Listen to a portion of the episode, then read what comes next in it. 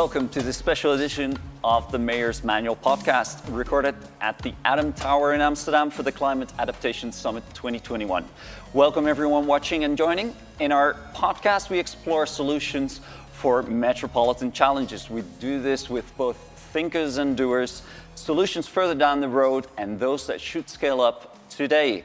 My name is Kenneth Heijns, Managing Director at AMS Institute, and together with my co host, Sascha Stolp, Amsterdam's Director for Future Proof Assets, we aim to inspire you to accelerate global urban transitions. So, Sascha, big urban challenges take center stage in our podcast, but can you explain to our listeners and our viewers why is it called the Mayor's Manual? Well, because the mayor's agenda is important. Already today, 50% of the world population is living in cities. And within 2015, it will be around 7 billion people who are living in cities.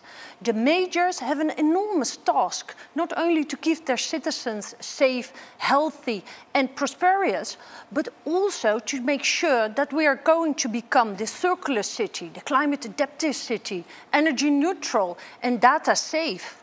So, how are we going to do it? We are speaking with frontrunners and change makers from uh, both uh, uh, the government and the uh, private sector and the knowledge institutes.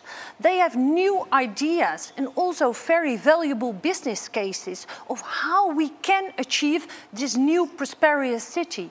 And that's in the end what makes the city future proof. So the question is how are we going to do this together with our listeners, audience, and everybody else? Well, thank you. Yeah, that's, that's exactly what's on the menu today. And um, we also want to focus today on uh, what it means to have a purpose as an organization. And I think you put the purpose really well uh, already. What does it mean to assume responsibility with these big transitions? Tackling the urban challenges, and for instance, uh, in line with the Climate Adaptation Summit, uh, becoming a climate adaptive city. So um, we're proud to introduce uh, our two guests today, Daniel Martinez and Eveline van Leeuwen, as our guests uh, today. Daniel uh, is CEO of Or Orbia, a community of businesses that empowers uh, their employees to pursue big systemic solutions. And Orbia is exactly that purpose led company uh, committed to the UN Sustainable Development Goals, and passionate about the challenges that define um, how people will live and thrive tomorrow. And before joining Orbia in 2018, Daniel was CEO of Orbia's holding company. And prior to that, he was director for worldwide strategy and planning at Cisco and held various um, positions in investment and strategy in business and government.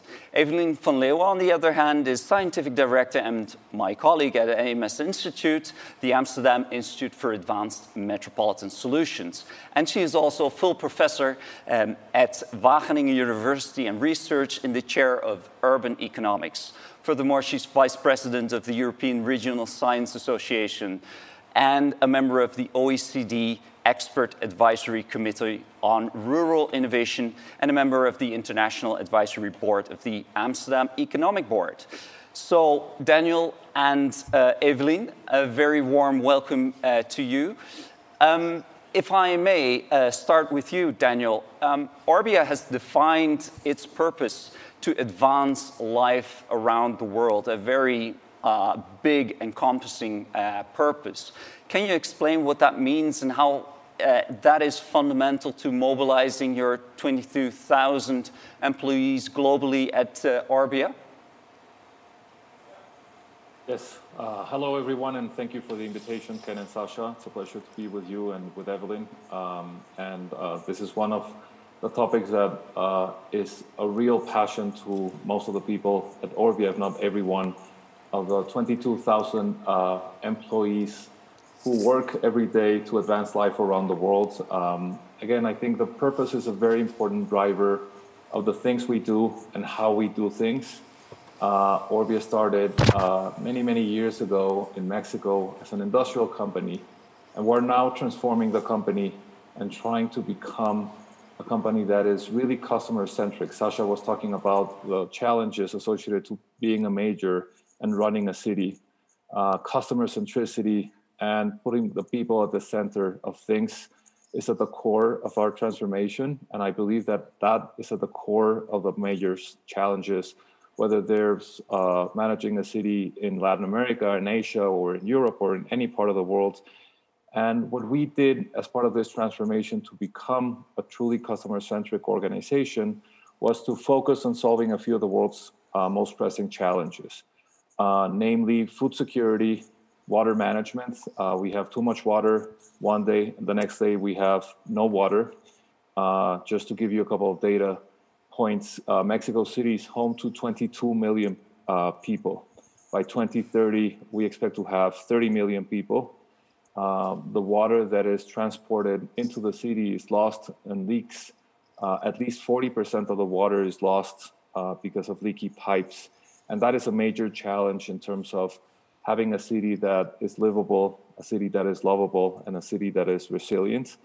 Um, if we don't manage our water reserves uh, in an efficient and in an intelligent way, uh, in 30 years we'll run out of water in Mexico City. So there's many, many challenges. I'm happy to talk about uh, many of these challenges during the podcast, but I think our objective and our mission and our dream of advancing life around the world has to start with putting people at the center of everything that we do. And um, you mentioned water uh, as one of the major cha challenges of uh, Mexico cities, and, and, that holds true for many metropolitan regions around the world. Um, one of your uh, companies within the Orbia family is uh, Wavin. Um, they are uh, both based in, uh, in the Netherlands and they um, produce this uh, movie, this mm -hmm. little film clip, and I think that perfectly sets the stage. so if we can have a look at this film, that would be great. I am your city. I house you feed you, care for your loved ones. I provide you with work and pleasure.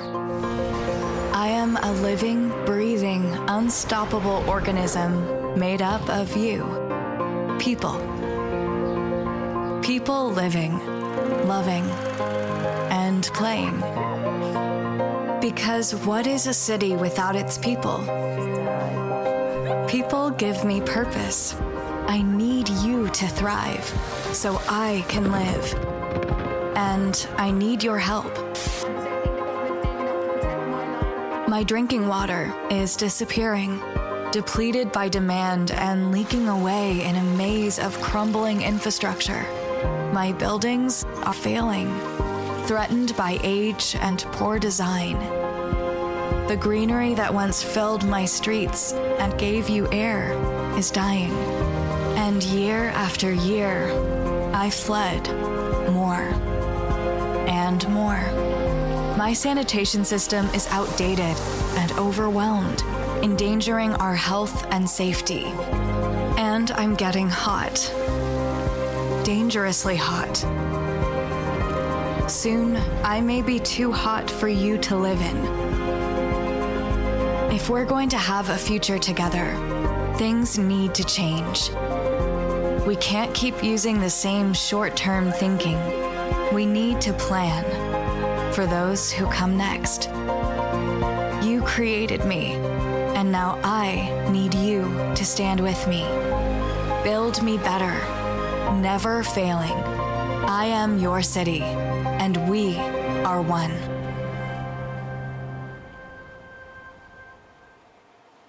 Daniel, can you uh, give us a look in how you look not only at cities and at climate adaptation, but foremost in how to create progress in a very short time globally?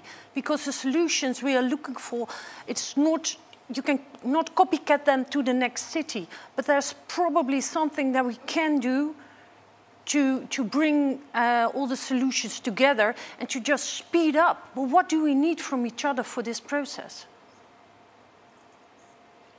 Well, that's a great question, Sascha. Um, and I'll try to tackle it as efficiently as possible in a few seconds and minutes. But I think it has to do with a few things. It has to do with connections. Uh, and I think this podcast is a great example of how we can establish connections uh, between experts that spend most of their time and have spent more, most of their lives thinking about how to improve livability of, and lovability of cities. Uh, connections with global and lo- local partners are absolutely critical. The second thing has to do with communities. Uh, how can we think about new ways of engaging communities? I think that uh, Europe has provided great examples after the uh, world wars in terms of how cities were reinvented after major crises, uh, how cities were uh, redesigned. Uh, in some cases, putting people at the center. In some cases, people were not put at the center of redesigning uh, people after major catastrophes. And then, then the third thing has to do with data and really being data driven and being fact based in terms of how we think about solutions. If we think about the fact that one out of nine people in the world today don't have access to safe water, uh, if we think about the fact that one out of three people don't have access or don't own uh, toilets, and if we think about the fact, uh, to the previous point that I mentioned, that up to 70% of the world's uh, water that is transported into cities is lost in something as basic as leaky pipes, what are the things that we can do? Um, thinking from a city perspective, uh, we can talk about mobility, and people like Gehl Architects have done tremendous uh, work in terms of research uh, on the mobility side.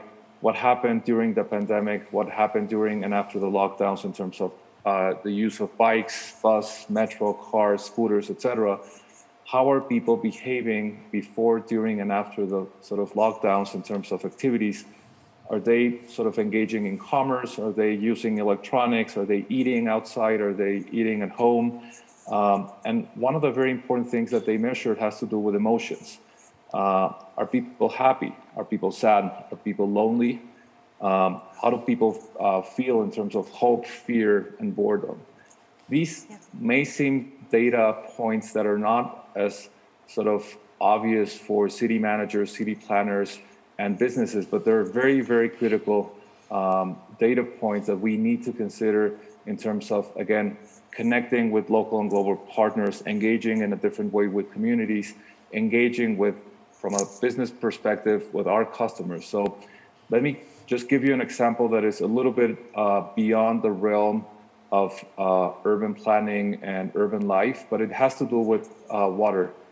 70% of the world's water is used in agriculture rice cultivation uh, is used with flooding techniques.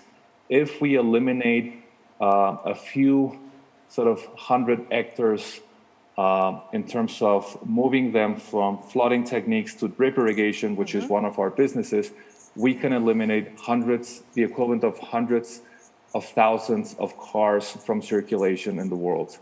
How can we engage with governments in places like Vietnam, uh, in places like China, and how can we engage with people in the agricultural space and move them from using flooding techniques to drip irrigation that at the end of the day in a few years time can eliminate 400 million vehicles the equivalent of 400 million vehicles from circulation wow. so a lot that we can do in terms of what we call intelligent ruralization a lot that we can do in terms of what we call intelligent urbanization and again, I think we're very excited about the prospects of really moving the needle in terms of helping address a few of the world's most pressing challenges with people like you.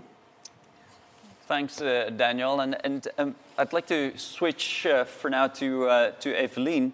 Um, uh, you, have you've, you've seen uh, the, the, the, film, the movie clip, and, um, and heard uh, Daniel talk about creating connections, about communities, being fact based. Um, also looking at emotions of, uh, of people. I think as a scientist, uh, both striving for scientific excellence and uh, uh also looking for uh, societal impact. Um, how, how do you look at, at, at this movie and, and, and about um, how uh, um, Daniel positions Orbia in this, in this field of looking for solutions to global challenges?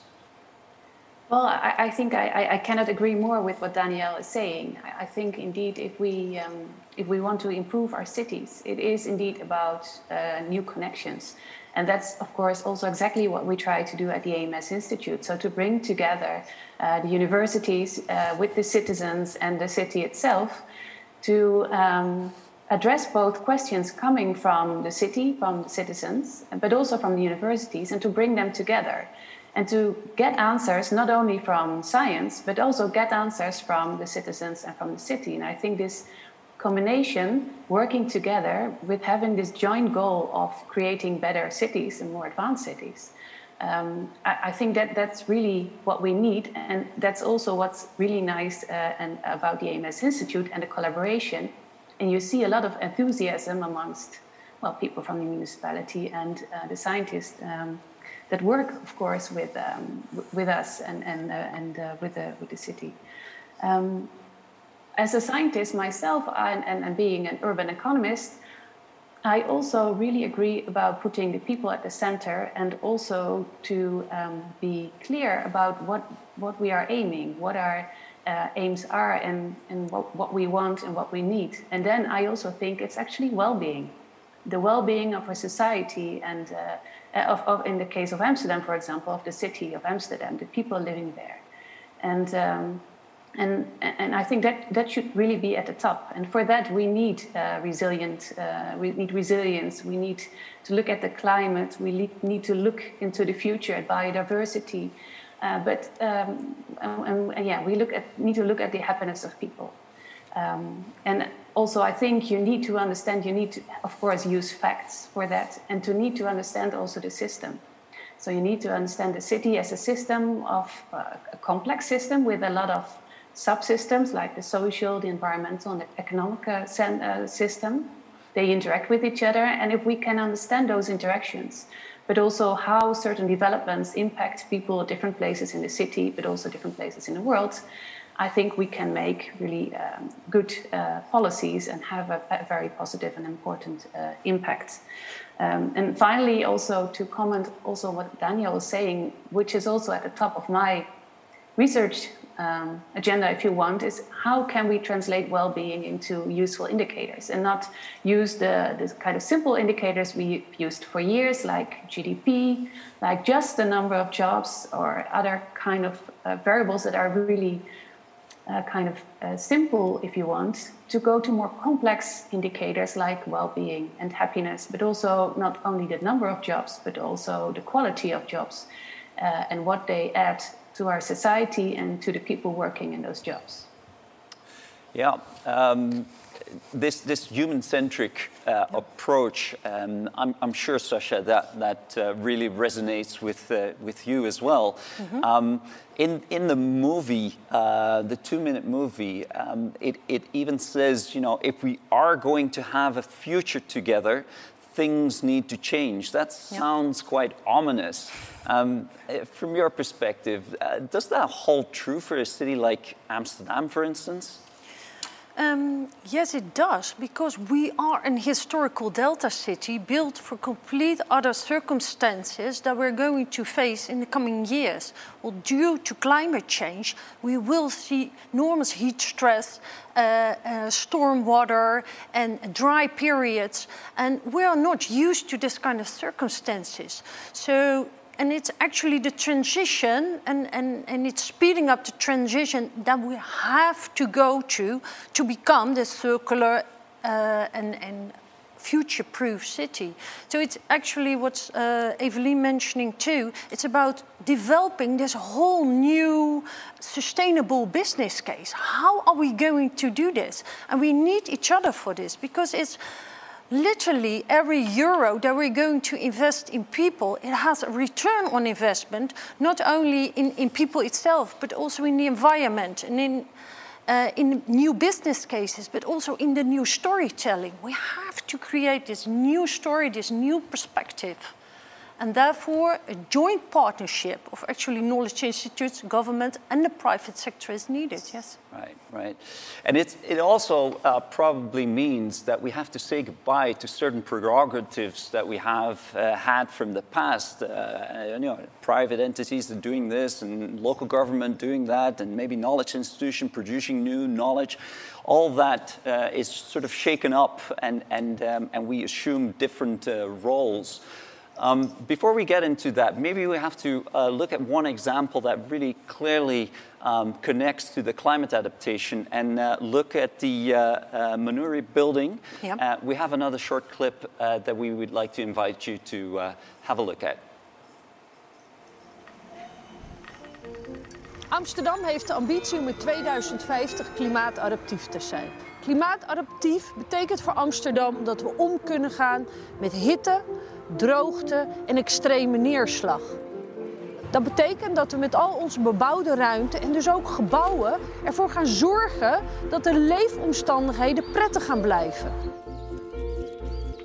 De natuur is een prachtige bron van inspiratie waar we veel van kunnen leren als het gaat om hoe je met water, met energie en met grondstoffen kunt omgaan.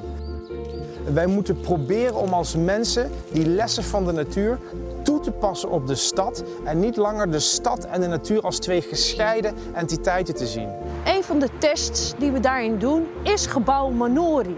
Op project Manori gaan we een deel van het douchewater gebruiken om het dak te irrigeren en te koelen. En niet alleen het dak, maar ook de balkons, zodat die balkons van prachtig groen kunnen worden voorzien. Dat is ontzettend goed. En niet alleen voor mensen, maar ook voor biodiversiteit.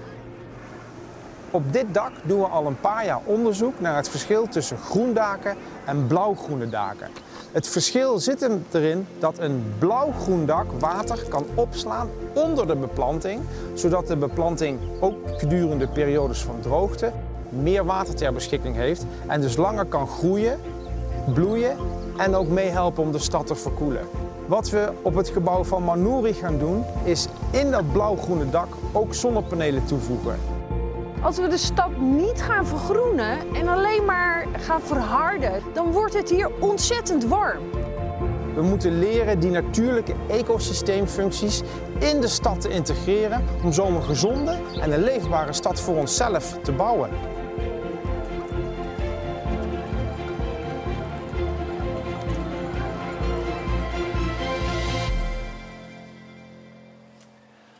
So that's, I think, a very interesting uh, example of uh, an actual uh, climate adaptation uh, measure, uh, technology uh, implemented in the city. But um, Daniel, you, um, you commented on um, creating connections, the communities being fact-based. Um, but still, you know, it, it, it is um, in actual practice, I guess, um, quite difficult to get out of the legacy systems uh, and, and move into new uh, solutions uh, that you know maybe uh, maybe challenge the status quo. Um, can you can you um, reflect a bit on on um, on one how how you do that, move forward from from a legacy situation uh, forward, and and also how how come Orbia is claiming some kind of co-ownership of these, these challenges that, that seem broader than the company itself. Yeah. Um, so let me give you a couple of examples. Uh, one of our companies, again, has to do with um, managing water in a more efficient way uh, in growing food with much less resources, not only from a water perspective, but also from uh, a nutrition perspective, uh, and every single aspect of sort of uh, the inputs that go into producing food, which is one of the world's sort of most pressing challenges today.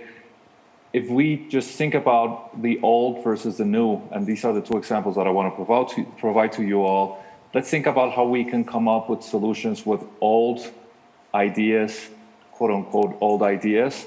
Uh, if we think about how we grow sugar cane in places like India. India has 5 million sugarcane hectares uh, that are not using drip irrigation, which uses much, much less water.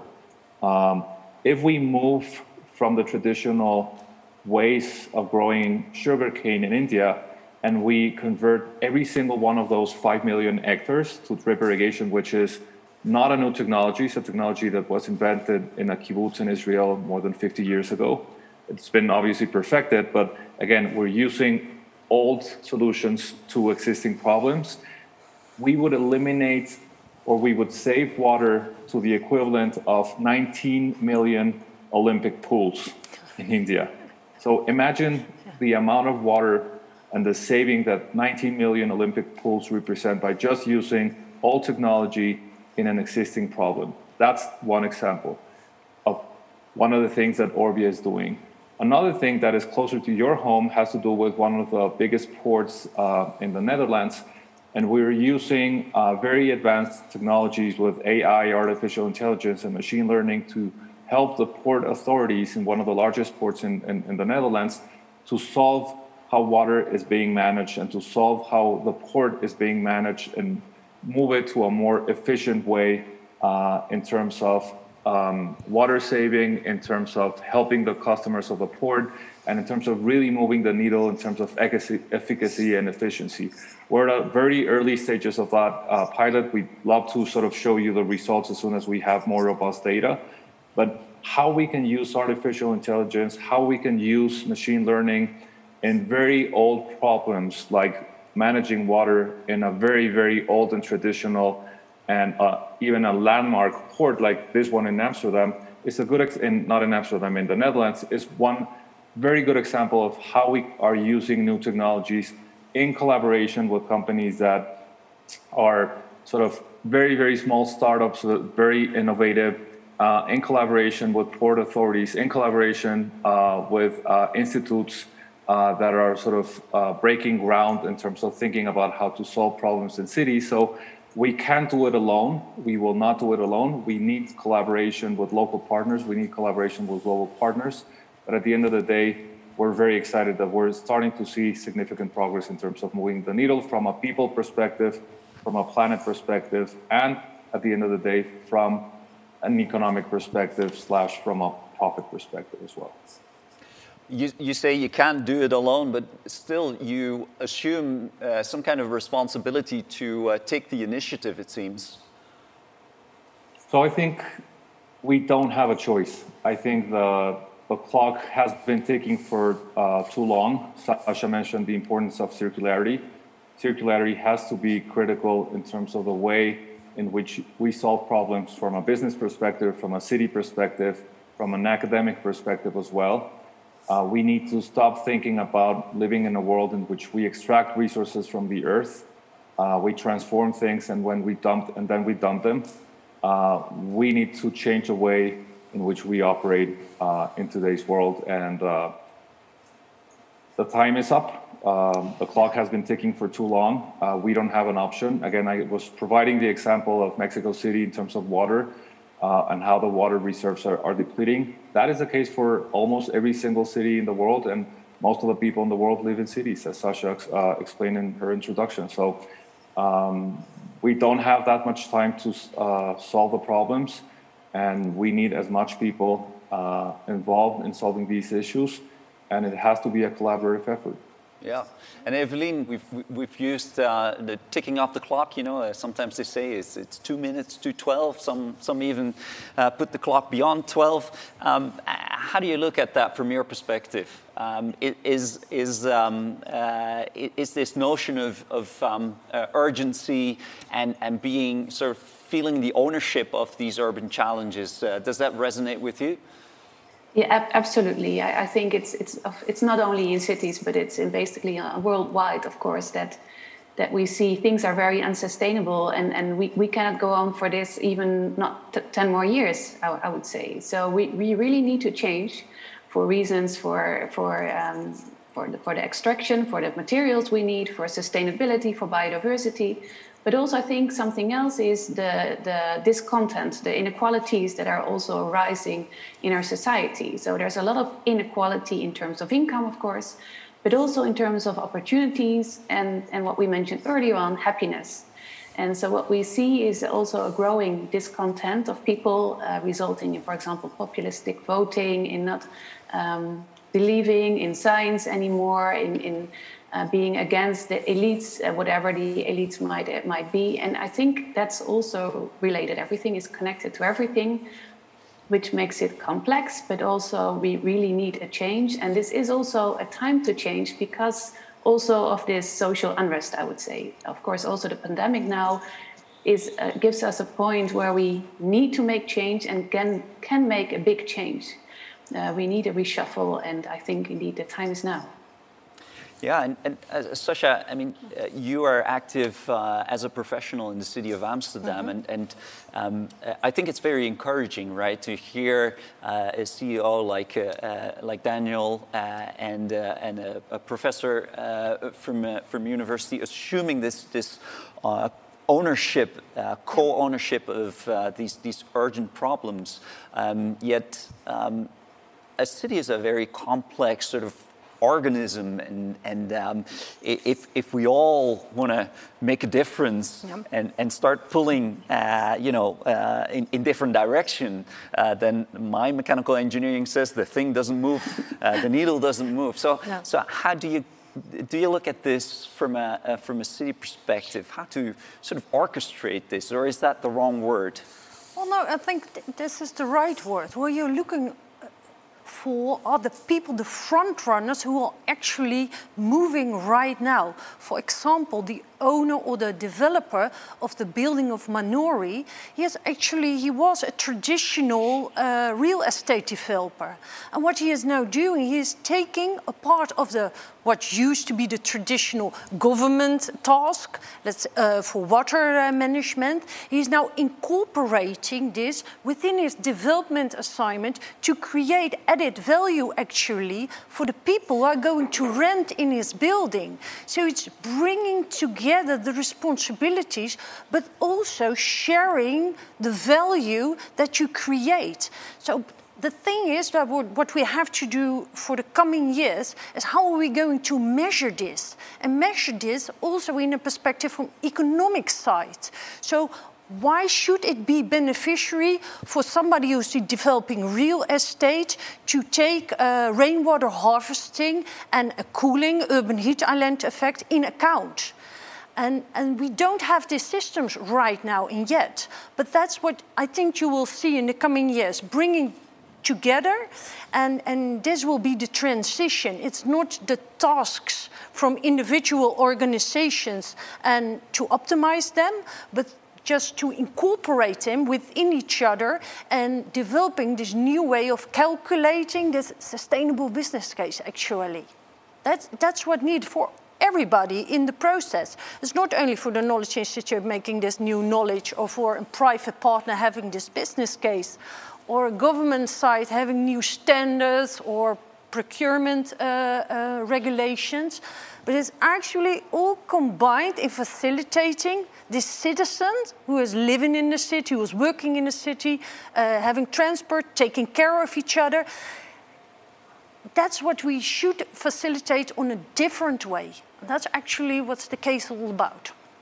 And maybe getting back to you, uh, Daniel, um, uh, listening to maybe from a, uh, from a um, uh, your um, Orbia perspective, uh, which at the end of the day is a, is a private company that, that has to uh, uh, check its bottom line like any organization. Uh, let's, yeah. let's be honest. I mean, that also holds true for scientific organizations and government, but still there is a different dynamics. Um, in, in, in, your dealings with uh, uh, government, both on national and local uh, level, um, do, do, you encounter this kind of sort of uh, um, uh, you know, the, these insights like Sascha has from, from a municipal perspective into uh, the um, um, your um, what you're looking for as a business to work on.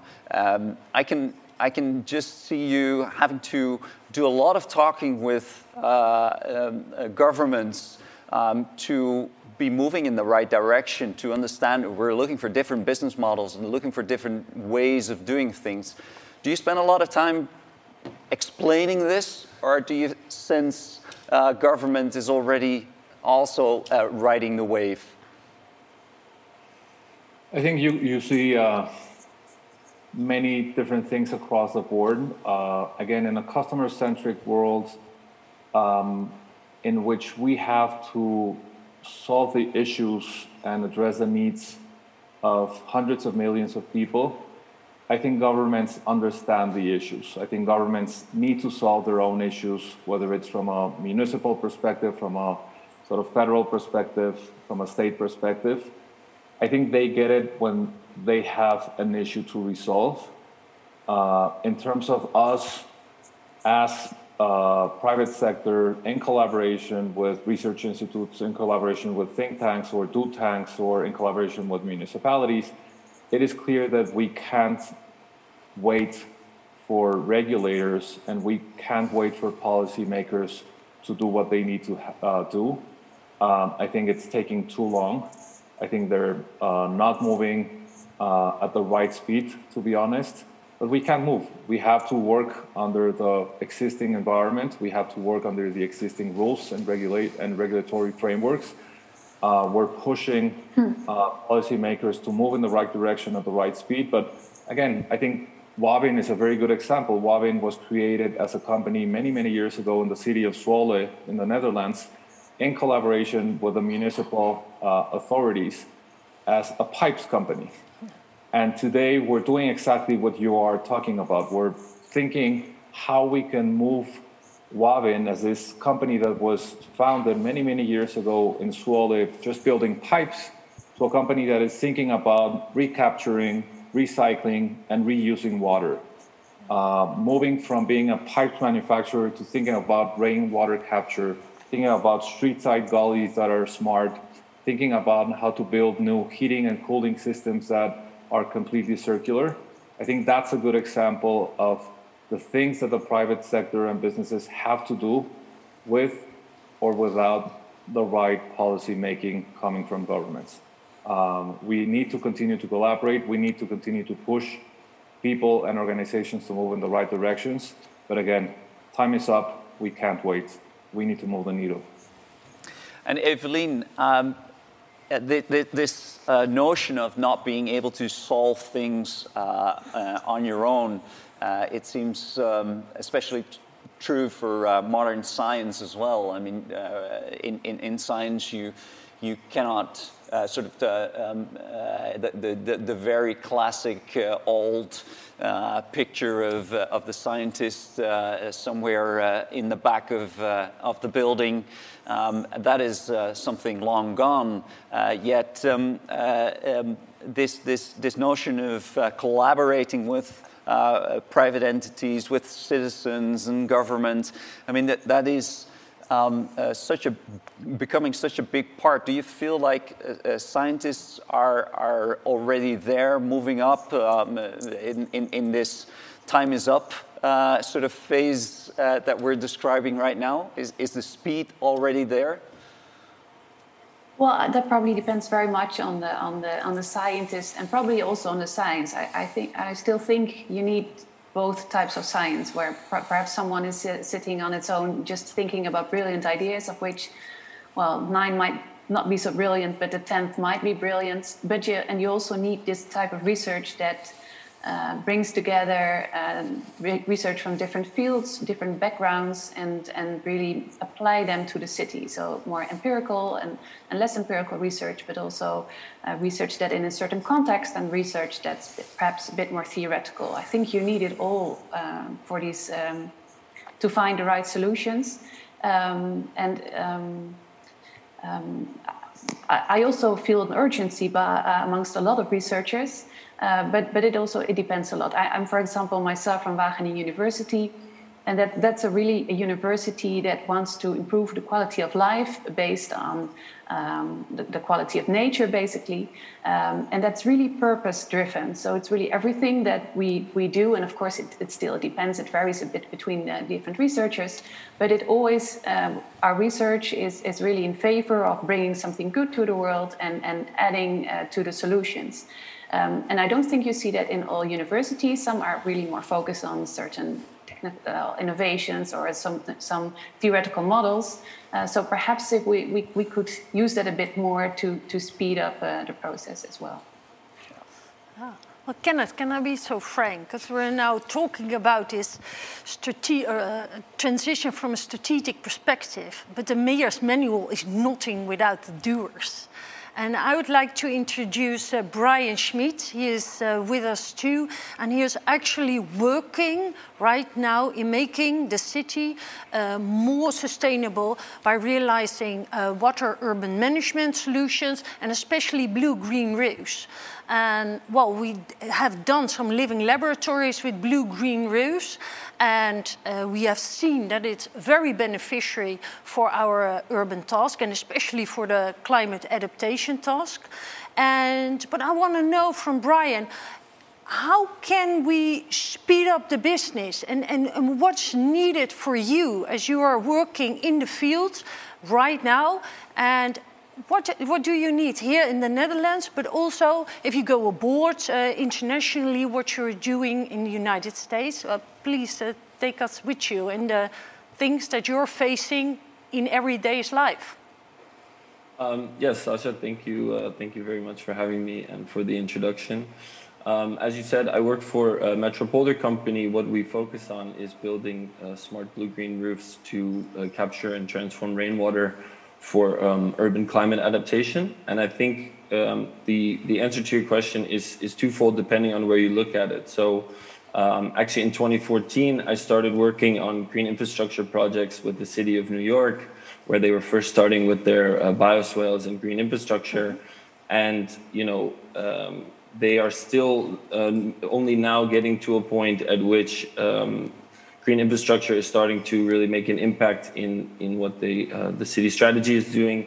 I can commend actually the government on their uh, Climate Mobilization Act, which they just passed last year, mm-hmm. uh, to now require green infrastructure on on new buildings. They're still focusing on more um, infiltration, but the the real challenge is actually to have projects that prove um, what is possible on um, on large scale infrastructure, and then if you look at it from uh, the city of Amsterdam side, um, Amsterdam or the Netherlands in general has actually a much more of a uh, incubator or test and see approach. And actually, one of the projects we're working on uh, is called Resilio, in which the city of Amsterdam, along with Waternet, uh, university partners, uh, NGOs, and ourselves, are actually testing and piloting uh, 10,000 square meters of smart blue green roofs which are uh, connected to the internet, and so we are able to monitor uh, the data that is uh, that is coming in to show the uh, the impacts, but also make real time decisions on how to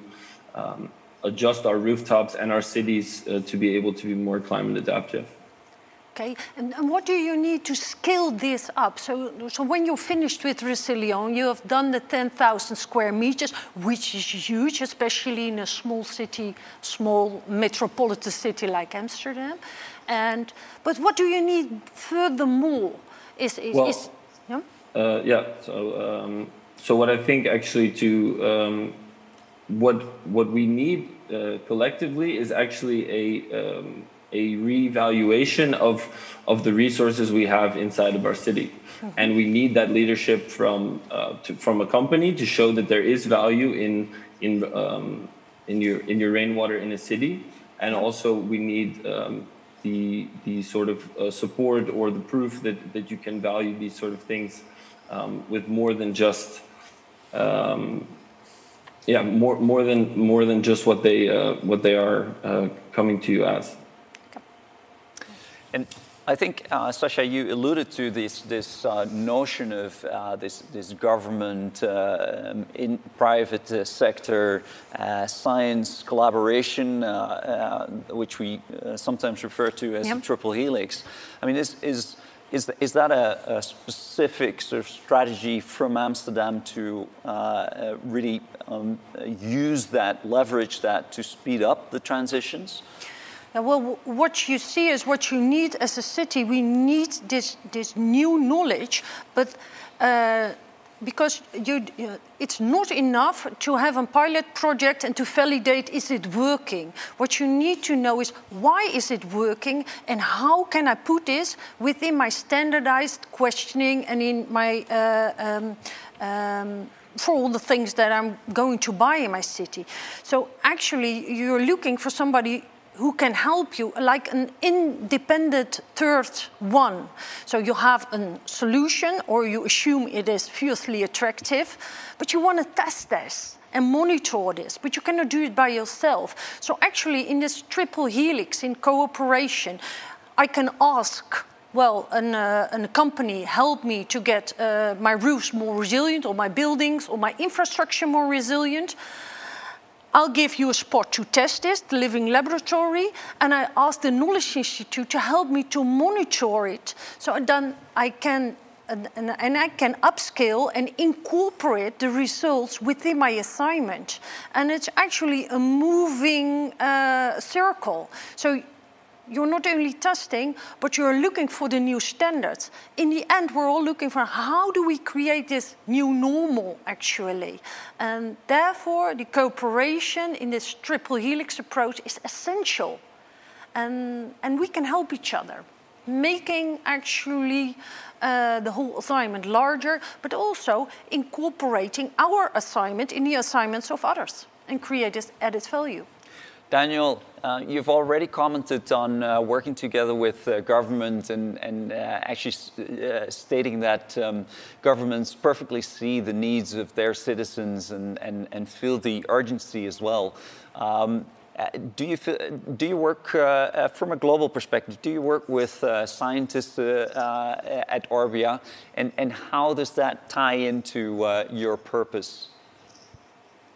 We, we do. And uh, again, if we think about the fact that we're moved by a purpose that has to do with advancing life around the world, I think there's no scientist that would not embrace truly and keenly the concept of advancing life around the world.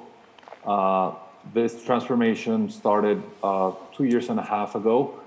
Uh, we're making a lot of progress uh, in the startup community uh, doing interesting uh, analysis some potential investments. We've already done a couple of investments. One of them has to do with artificial intelligence uh, technologies. the other one has to do with biotech. Um, and we're trying to solve uh, a, a, major challenge associated to uh, issues that have to do with uh, food security using biotechnology. Um, we're working more today on the startup uh, sort of area uh, with sort of scientists and technologies that are doing break, uh, groundbreaking research that uh, at the end will translate into relevant business models for us and for our customers. Uh, one of the things that we really need to move more quickly as part of our transformation journey is to engage more uh, with research institutions, with universities uh, all across the globe. So this is uh, homework that we're working on.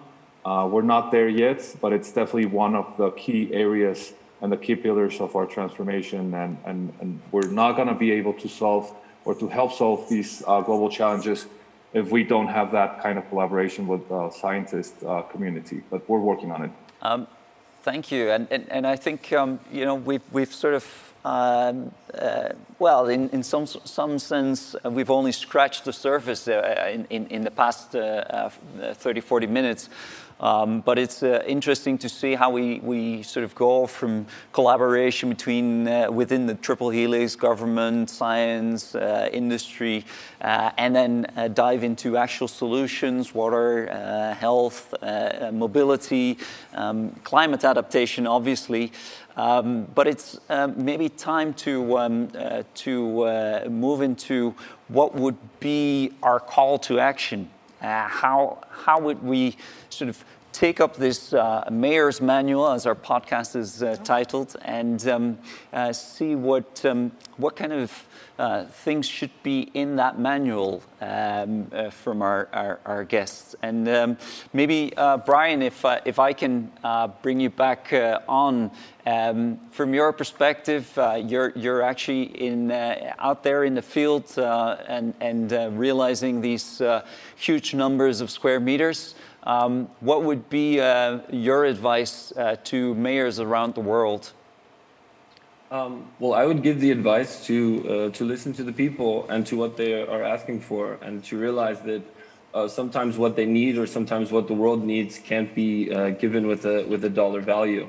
And if that's nature or water or access to education or these sort of things, it, it needs to be something where a um, a balance is made in order to uh, make it fair and equitable and make it possible for companies to provide this for people and governments to provide it to people um, as, as everyone needs. And I think uh, it's, it's a mayor and a government's uh, responsibility to, to help make um, a safe and clean environment uh, possible for everyone. Yeah. And Eveline, from your perspective, uh, what would you put on the mayor's uh, manual uh, if, um, uh, well, uh, uh, I was going to say if, if, if, you had the opportunity, opportunity, but here it is. Here's the opportunity. So, well, I think from my perspective, what I what I put in there is to make sure that you understand and and and know the system of your city. So to have the right insights in what's going into your city in terms of products and materials, what's going out of your city, for example, if you think about circularity, um, have the facts about the system, uh, about uh, so if you if you understand your system in terms of, of economic aspects, in terms of social and environmental impacts uh, of aspects, then you also know what kind what your interventions uh, where it has a certain impact. And I think as a city, uh, uh, you, you need to, um, I think the well being of the people should be upfront and the quality of the system as a whole. So if you do an investment or do an intervention, not only look at, like I said uh, earlier on, the, the one dimensional, the easy indicators, but look at broader indicators. Look at the impact on the quality of life, on the environment, both now and in the long term. Because I think that that's also perhaps what your companies would also like to do, but, but I think that that's really also something that the government and that the city should do. Look at the long-term impacts on, on, the, on the environment, on different groups of people, high income, low income people, high educated, low educated people. Um, and, and so, so to understand the city as a system and, and how uh, different systems in, impact each other. And then make the right decisions, of course, which is, is the most difficult part, probably, but do it in a in a really informed way. And Daniel, to uh, uh, wrap this, uh, this uh, round of advice off with uh, you, uh, what would be your, your call for action for mayors around the world? So I'll try to be slightly provocative in terms of thinking about this mayor's manual. And I love the work that uh, was recently done, as mentioned in my previous uh, comments, by my dear friends at Gehl Architects uh, in Copenhagen, uh, in a few cities in Denmark, by measuring if people were feeling happy, sad, lonely, hopeful, fearful, or bored. I think that kind of data should be very relevant in any major's manual. Um, and also, I would add another uh, to the side of the sort of emotions that should definitely drive um, the vision of livability, lovability, and resilience of cities. Um, I would think about two or three metrics that have to do with circularity, um, and I would have those as a key dashboard in the majors manual. So, um, emotions and circularity.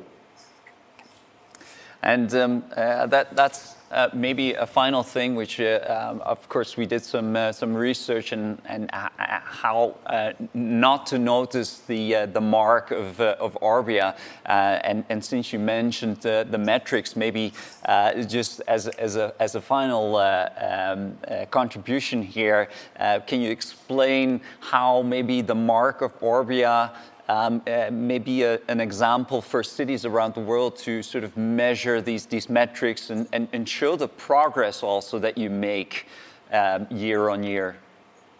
Yeah, so thank you for the question, Kenneth, because there's uh, a lot of thought that went behind uh, changing our logo. We don't want to call it our logo because it's not a traditional corporate logo, it's what we call an impact mark.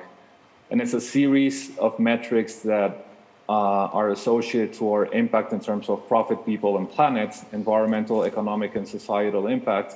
And we want to be very transparent to our stakeholders, whether it's our employees, our customers, our suppliers, our investors, um, our shareholders.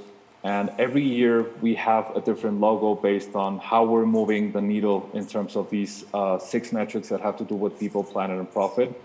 From a people perspective, uh, just to give you an example, we're, th- we're uh, measuring the percentage of women in management in our company. So if we were a perfect company, our logo or our impact mark would look like three perfect circles. We're a company formed by individuals and by human beings. We're imperfect. We never uh, aspire to have a perfect sort of set of circles, but we are showing our stakeholders how the impact over time would look like. So I think that kind of transparency and accountability, again, in three major um, areas of impact environmental, societal, and economic should also be something that could potentially be relevant in terms of thinking about how a majors manual could look like. Yeah, Thank you. Um, to close off, uh, um, Sascha, um, I think we've you've listened to uh, to all the advice that we need to include in our mayor's manual. Um, uh, I didn't hear any explicit sort of technology driven uh, thing out there. It was all uh, very people centric, listen mm-hmm. to people, uh, but do have these, these fact based insights into your uh, city systems. Uh, take on a broad view of, uh, of, a, of a long term and, and, a long term view, um, and um, uh, look at the liv- livability, lovability, the resilience, uh, and, and the emotions of, of, uh, of your citizens, um, and um, obviously all the all the um, transitions and circularity, energy transition, climate adaptation. We need to take into account. What, are your, what is your wrap up uh, from this conversation here? Well, what my wrap up is, is that we're on a tipping point.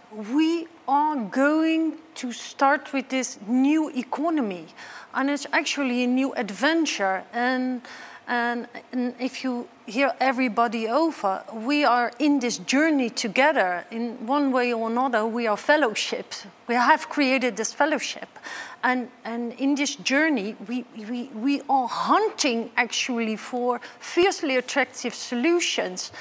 And they are not technical only, but they but the result of it should be that, that we have this livable, lovable, uh, very human centric ci- uh, city, because otherwise we, we, we cannot deal with the element that, that 7 billion people will live in cities and they, they have to thrive because otherwise the city will be gone. It is, in that sense, it's actually this, this combination of technique and people.